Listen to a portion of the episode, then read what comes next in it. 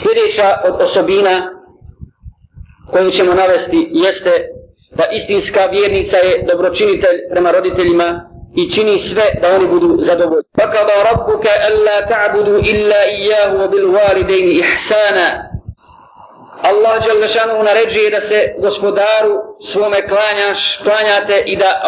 roditeljima dobročinstvo činite. Dakle, mu'minka svojim roditeljima govori blage riječi, one su popraćene poštovanjem, ne podiže glas u razgovoru sa njima i ne pretiče ih u govoru, ne pretiče ih na mjestu ili u hodu, ne daje prednost svom mišljenju nad njihovim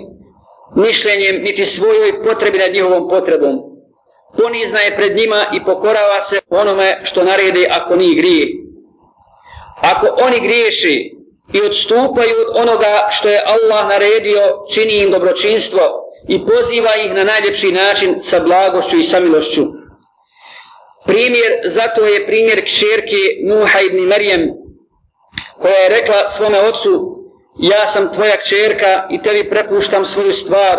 ne želim da ti budem nepokorna i da ti se suprostavljam i zadovoljan sam, zadovoljan sam sebi ono sa čime si ti meni zadovoljan. Dakle, istinska mu'minka poštiva, voli i cijeni svoje roditelje i njihove potrebe stavlja iznad svojih potreba.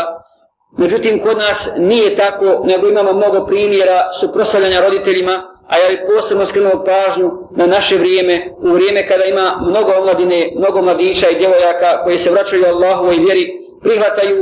istinu, prihvataju islam, međutim, ne imaju dovoljno razumijevanja za svoje roditelje, koji su griješnici, koji su daleko od Allahove istine, pa su grubi prema njima i često puta oni budu uzrok da roditelji ne primije davu. Takvih primjera je zaista mnogo, a najveći problem i najbolji primjer za to jeste primjer kad sestra hoće da se uda ili brat hoće da se oženi. Imali smo dosta takvih slučajeva, uvijek i redovno kad se hoće uzeti, sestra poručuje i kaže ja nemam velija, samo da bi se što prije udala, moj otac je džahil, moj otac je nevjernik, moj otac ne klanja i tako dalje i tako dalje i grubo se odnosi prema njemu i onda Allah Đalešanuhu znajući šta je u njihovim prsima ne da im bereket, ne da bereket i često puta zbog toga ni dava, ni dava drugim ljudima ne uspijeva zbog neposlušnosti prema roditeljima.